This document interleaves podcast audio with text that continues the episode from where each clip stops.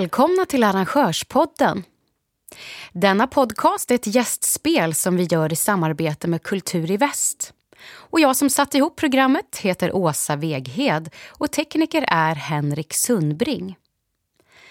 Jag har under ett år följt projektet Nya arrangörer som bestått av nio etablerade musikarrangörer och nio nya arrangörer som i möjligaste mån samarbetat länsöverskridande.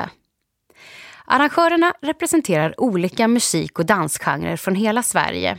Och bakom projektet står Musikriksförbunden, Svensk Jazz, Riksförbundet för folkmusik och dans, RFOD, och Riksförbundet Arrangörer av nutida konstmusik, RANK.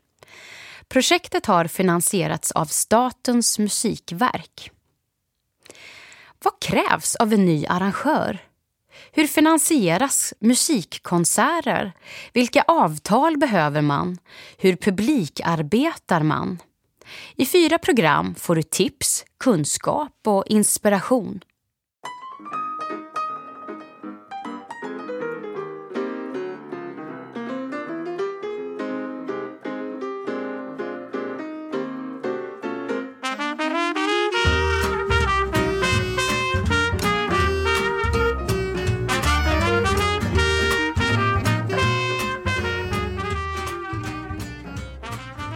Men hur startade allt sammans? Först vill jag veta varför projektet Nya arrangörer behövs. Karin Inde, Svensk Jazz. Med projektet Nya arrangörer så ville vi eh, tre förbund, Svensk Jazz, RANK och eh, RFOD, eh, hitta smarta sätt att liksom föra över kunskap mellan lite mer etablerade arrangörer och eh, nyare initiativ. Um, istället för att vi förbund på något sätt ska, ska stå för kunskapen här så eh, det gör vi ju inte lika väl som arrangörer som redan som är igång. Um, det är ju de som kan uh, hur man arrangerar. Och uh, dessutom så Eh, så såg vi behovet av att, att fånga upp och stödja nyare initiativ, kanske hittar helt andra sätt att verka än vad det liksom äldre gardet av arrangörer gör. Det här med att starta förening kanske inte är det första man tänker på. Och sådär och att det kanske mer sker i någon slags klubbform nu, mer än vad det eh, har gjort tidigare. Så att eh, på något sätt hitta bryggor mellan etablerade arrangörsföreningar och mer nya initiativ. Vad vill ni nå för resultat? Vi vill ju att eh, det ska poppa upp nya scener på, runt om i landet. Eh, att de här nya, nyare initiativen ska, ska få fäste och möjlighet att etablera sig. För i starten av någonting så är det ju risk för att man hamnar i lite så moment 22. Att eh, för att eh, få eh, statligt arrangörsstöd så behöver man ha fått kommunalt stöd innan.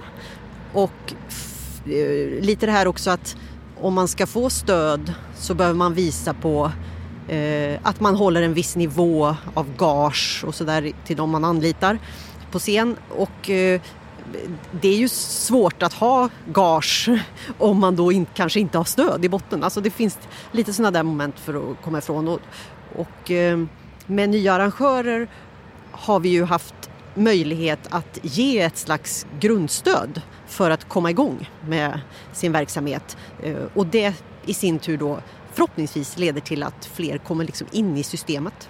Mm. Det är också länsöverskridande. Vad hade ni för tankar kring det? Eh, där handlar det ju om att eh, eh vi ser behovet av nationella nätverk. Eh, för det är ju ofta så att om man vill få en större musikakt på sin scen så kanske det inte passar att den akten åker på turné i, inom ett län till exempel eller region för att det blir för alltså, att man konkurrerar om publik då. Och att då är det viktigt med det nätverket som är lite bredare geografiskt så att man ska kunna samverka kring en turné eh, fast samtidigt inte konkurrera med publik.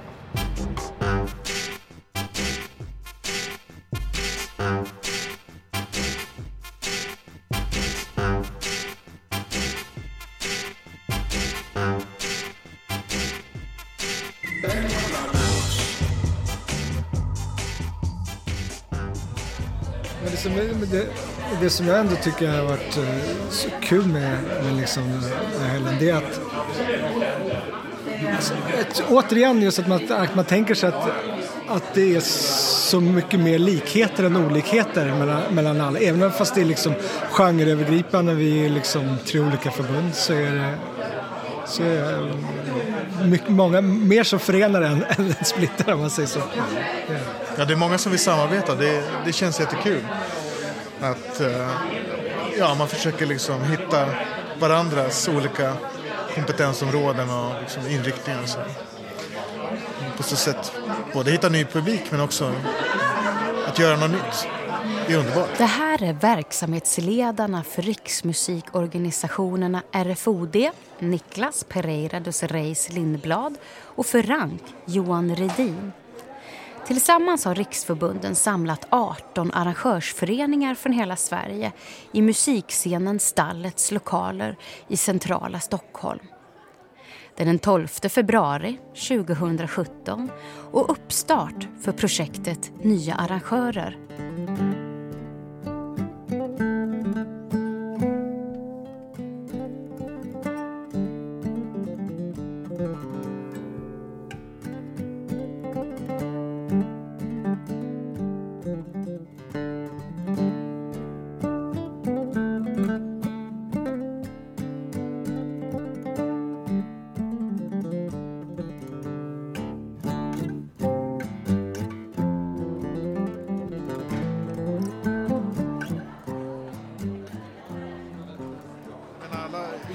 Ideellt och det här liksom startkapitalet det är ju väldigt få som har överhuvudtaget. Det, det, då får man liksom lägga några tusenlappar var som man har stretat ihop. Mm. Och därmed så kan man kanske inte boka heller någon drömakt. Men man, man kommer igång. Men nu med, med det här bidraget så är det i alla fall att göra någonting som är lite mer rejält. Och på så sätt liksom ja, visa sig utåt att, att ja, vi gör den här grejen. Och vi vill gärna fortsätta. Så kom tillbaks och så vidare. Pengar, pengar, pengar. Det är knepigt att bli arrangör med noll kronor på fickan. Så därför har varje arrangör fått 15 000 kronor som ett startbidrag för ett arrangemang inom projektet Nya arrangörer. För en ny arrangör är bidragssystemet lite av ett moment 22 som Karin Inde tidigare förklarade. För att kunna söka pengar från stat och landsting måste man först få kommunen att bidra Ja, hur får man det när man inte ens gjort sitt första arrangemang och inte har något att visa upp? Och också som ny arrangör så, så finns det ju många, jag har ju hört eh, många nya arrangörer alltså, men det är ingen idé att söka för att de där pengarna eh, de är redan liksom tingade av andra mycket mer liksom erfarna. Så det behövs ju liksom riskpengar eller vad man nu ska säga för, för, för de här arrangörerna att få liksom komma upp över tröskeln och komma in i systemet. Så där tror jag kan ge lite. Och det är inte alla arrangörer som, som håller på jämt och ständigt heller. Alltså det, det behövs en tillväxt eh, i eh, inte bara föreningsverksamheten men också i arrangörskapet. Eh, som, som ja, har funkat på sitt sätt men, men som, som också idag kanske är mer spontant än vad det har varit tidigt, tidigare. Så att, nya är bra på det sättet att vi liksom försöker få in eh, nytt folk. Eh, så vi hoppas verkligen att vi kan fortsätta.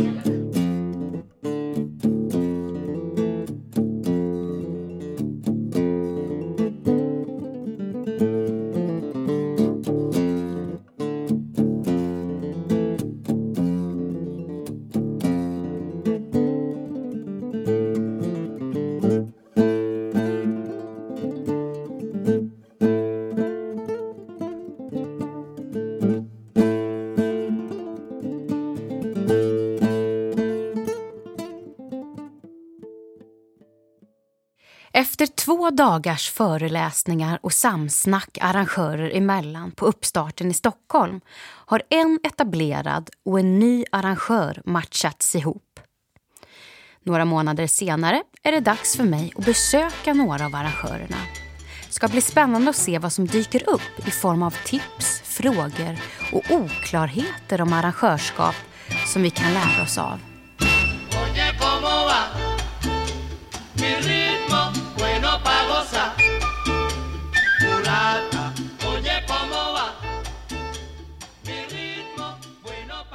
Men först ska jag träffa ett arrangörsproffs i Stockholm och få några tips. Han började i liten skala för 15 år sedan. Numera förlägger han vissa konserter på Globen. Vem är du? Jag heter Oskar Livanges. Jag är uppvuxen i Upplands Väsby norr om Stockholm. Eh, mina föräldrar är från Chile. Jag kom hit när jag var två år gammal. Idag arbetar jag som arrangör.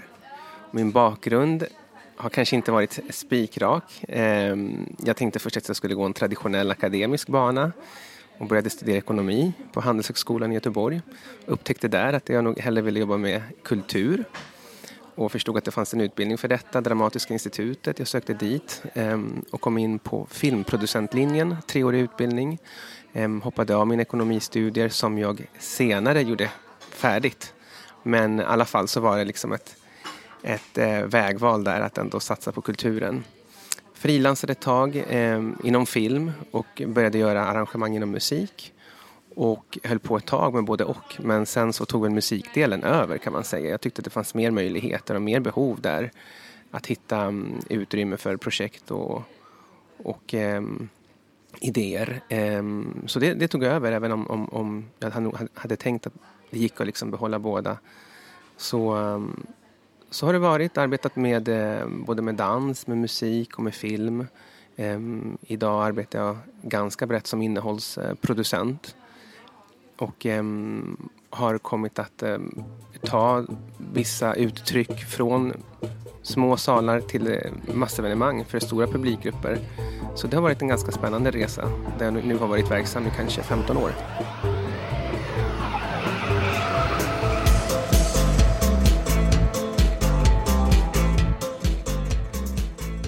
Har du några konkreta tips till en arrangör som är helt ny på banan. Vad tycker du de ska tänka på? Hur ska man gå in i sitt arbete som arrangör? Ja, jag tycker det är kul att eh, sikta mot eh, stjärnorna. Så det, det, hoppas jag att, att alla ändå känner att de vill eh, nå ut brett med, med sitt innehåll och sina idéer. Däremot kanske man inte behöver börja i den ändan där man tänker en massfestival eller de stora konsertsalarna. Det var i alla fall inte där jag själv började. Utan att utgå från sin idé, från sitt innehåll, från en tilltänkt publikgrupp. Och ibland kanske det är just liksom ett klubbformat eller någon, någon liten intimspelning det handlar om i, i, i, grunden som, som de första stegen i alla fall. Och det kan vara nog så utmanande. Så att eh, min rekommendation skulle vara att, att kavla upp och genomföra dina första projekt och börja där det är mest gör, görligt och möjligt.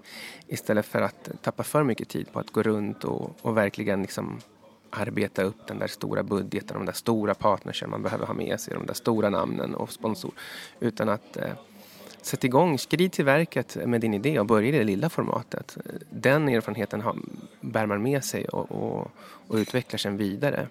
Och, mm, i det grundarbetet så ingår såklart att just tänka då ett, in, ett innehåll som känns attraktivt. Att man ser en målgrupp framför sig, att man kanske till och med delar upp den målgruppen i lite olika segment och tänker de och de och där hittade jag några till jag vill vända mig till. Ehm, och hur ska vi kommunicera det här? Vad är planen för att nå ut med budskapet? Vilka är de kanalerna vi ska använda? Och sen så såklart eh, planera för själva genomförandet och, och säkerställa att, att det går tryggt till och att liksom att tekniken är på plats och att liksom sådär, man kommer in på en rätt tekniska och logistiska aspekter ju, ju närmare in på. Men eh, jag tänker att eh, börja gärna i en mindre skala och, och sätta, eh, sätta igång en, en och, och genomföra en projektidé. Det kommer vara otroligt lärorikt.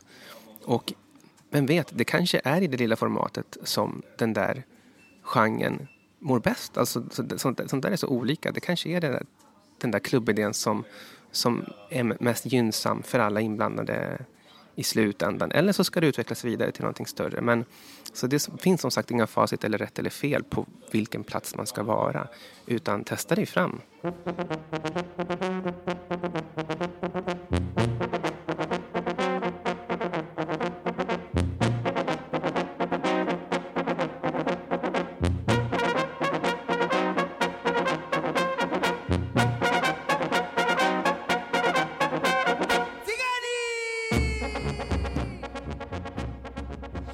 Jag har noll kronor men en jättebra idé, vad ska jag göra då tycker du? Hur ska jag få pengar till mitt evenemang? Ja, först skulle jag vilja säga att, att det finns ju som sagt egentligen ingenting som säger att man behöver ha pengar. Alltså det finns ju jätteunika och roliga exempel på saker som har liksom börjat som sammankomster i någons vardagsrum och därifrån ut, utvecklats till någonting eh, som gått mer publikt. Så det finns inga gränser där för, för hur, hur billigt och hur liksom minimalistiskt man kan starta. Men vill man just arbeta lite mer med professionella aktörer och kunna ha lite mer resurser när det gäller Ehm, de olika momenten i ett projekt så finns det ofta stöd för det här. Det finns kulturstöd på kommunal nivå, det finns det på regional nivå ehm, och det finns det även på, på statlig nivå, till exempel eh, Kulturrådet och sådär. Men som sagt, ju högre upp i de här instanserna man söker sig, desto mer vill de ha, se att man har på benen. Så ibland kan det vara bra att börja med det lilla, söka ett litet starta upp projektstöd från kommunen och se vad det kan ge eller framförallt genomföra sina första små gig och sen kanske söka sina första stöd. Eh, men det finns medel att söka genom olika stödmyndigheter och instanser för de som vill ta det här lite, lite längre och lite mer på riktigt.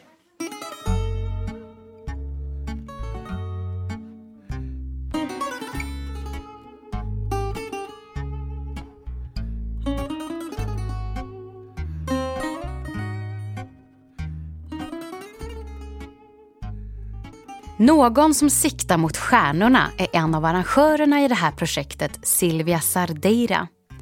Hon kommer ursprungligen från Portugal och representerar Jazz i parken. Hon var med som ny arrangör redan 2015 och lyckades förverkliga sin idé att göra ett gratis livejazz-evenemang för hela familjen i olika parker under sommaren. Förra årets lyckade Jazz i parken-evenemang ledde till att hon den här sommaren etablerat sig och utökat Jazz i parken till evenemang i Stockholm, Göteborg, Malmö, Gävle men också Köpenhamn och Reykjavik. Den 15 juli 2017 tar jag Djurgårdsfärjan och hamnar på Jazz i parken på Galärvarvet. Här i Stockholm samarbetar Silvia Sardeira, det vill säga Jazz i parken, med Parkteatern. Solen skiner. Den lilla scenen på hjul är så där härligt äggformat retro. Familjer myser i solen, äter korv och glass och spisar jazz med utsikt över det stora blå.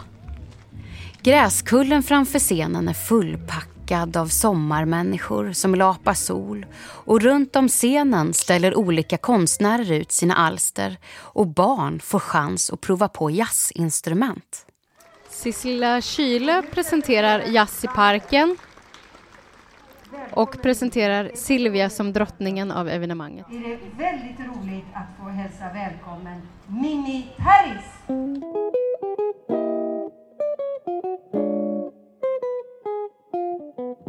Jag behöver flytta hemifrån. Jag behöver lära mig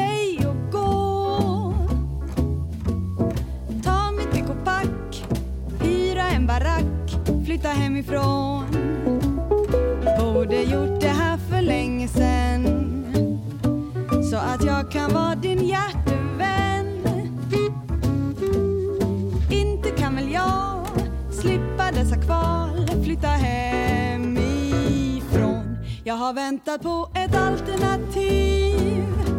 Att bli gift och skaffa mig ett nytt liv. Gå från ruta ett till ruta fem. Slippa skapa mig ett hem. Jag behöver flytta ut ett tag. Flytta in i mig ett litet slag. Lyfta på ridån, ta ett andligt bostadslån Flytta hemifrån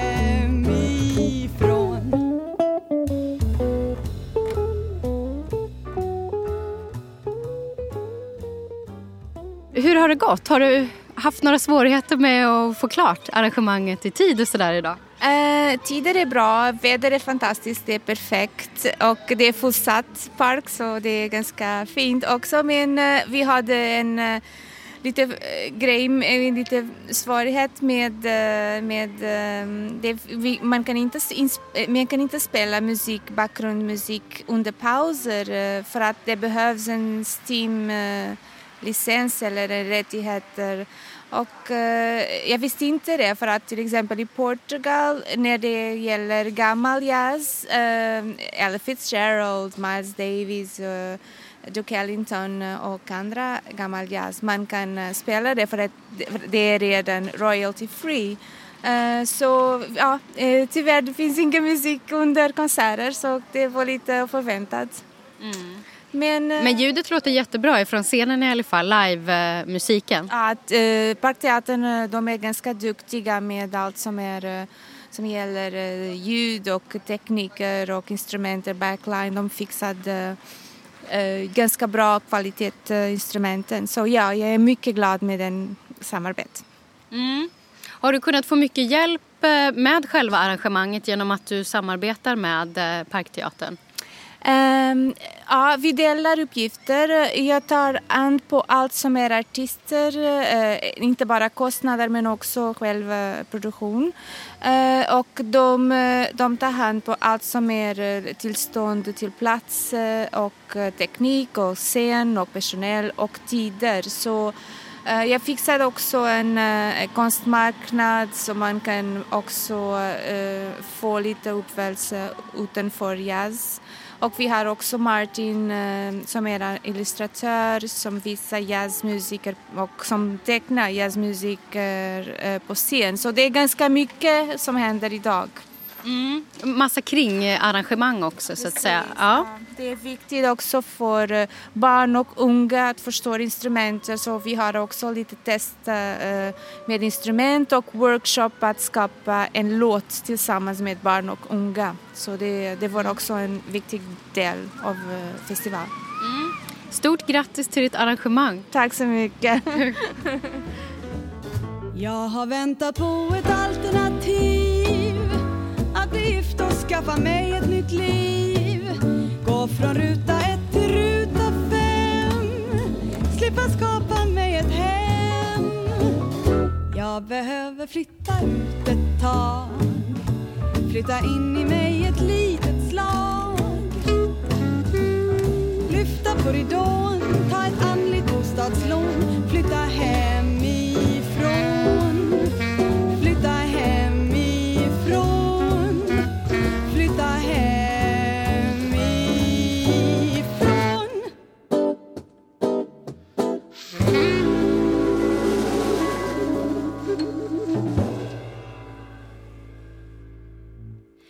Ja, det här med STIMs regelverk är inte så lätt.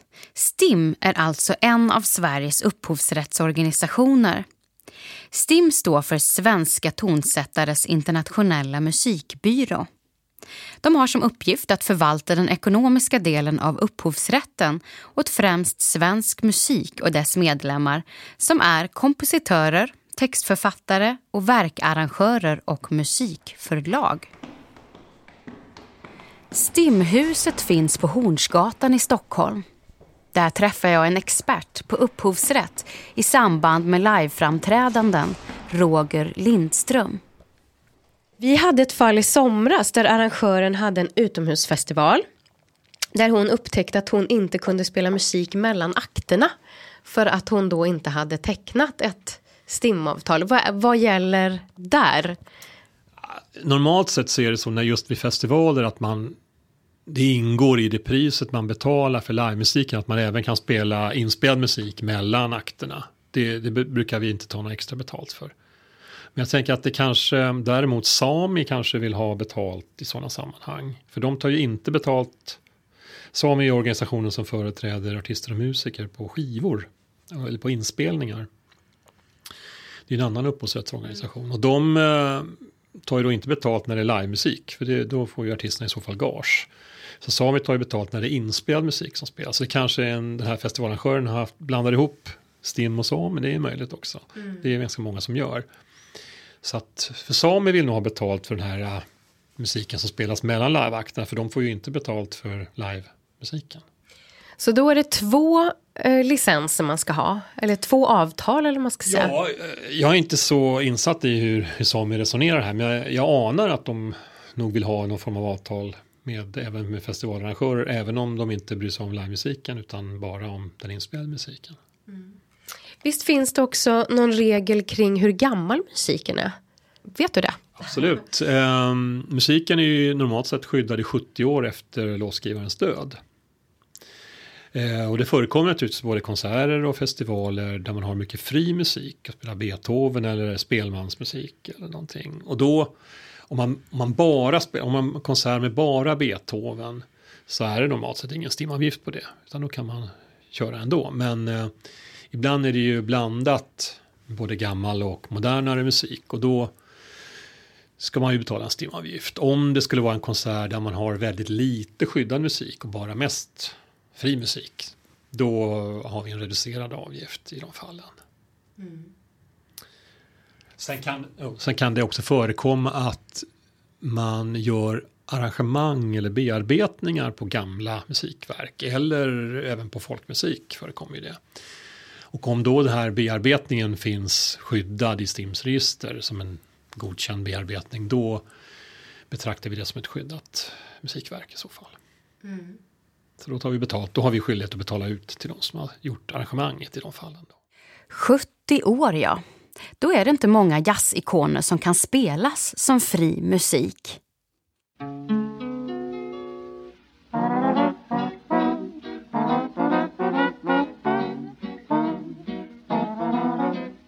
Big boy blue, come blow your horn. Big boy blue, it's almost dawn. And the band will soon be gone. Come on, blue, blow your horn. Big boy blue, it's getting late. Big boy blue, my feet can't wait. So before you abdicate, come on, blue, blow your horn. When you blow hot, so hot, how am I gonna keep my seat? Even with my two left feet, I must give in, I mean give out. Big boy blue, you know it's so. Big boy blue, before you go, send me fast and send me slow. Come on, blue, blow your.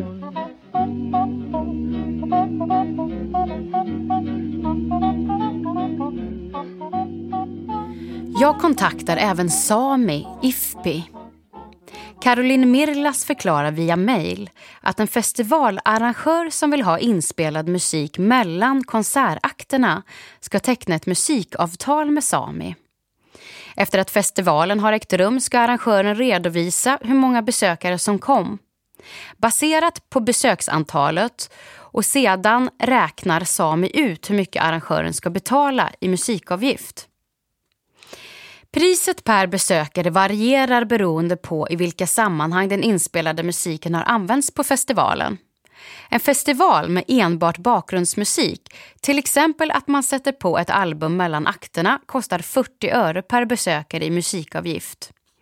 Medan en festival som haft inspelad musik till dans eller om inspelad musik integrerats i liveakterna när en artist kör playback eller singback vid en DJ-spelning eller om en liveartist har med sig en DJ på scenen. Då kostar det 1 och 22 kronor per besökare. Samma prissättning gäller oavsett om det är en gratisfestival eller en festival med inträde. STIM tar hänsyn till biljettpriset men det gör alltså inte Sami. Caroline Mirlas skriver också att det kan vara bra att känna till att musikavgifterna som arrangören betalar till Sami också inkluderar en musikavgift till IFPI som då företräder musikbolagen i Sverige. Sami och IFPI samarbetar när det gäller insamlingen av upphovsrättsersättning där Sami sköter insamlingen för offentligt framförande av inspelad musik, alltså musik som spelas i butiker, på gym, restauranger och andra offentliga platser. Och IFPI sköter bland annat insamlingen från radio och tv-sändningar. So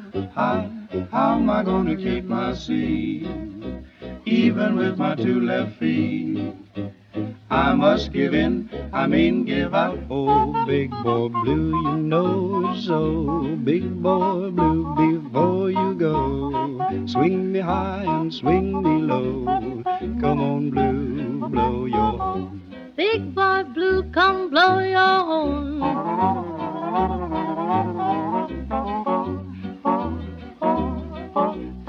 Come on blue, blow your horn.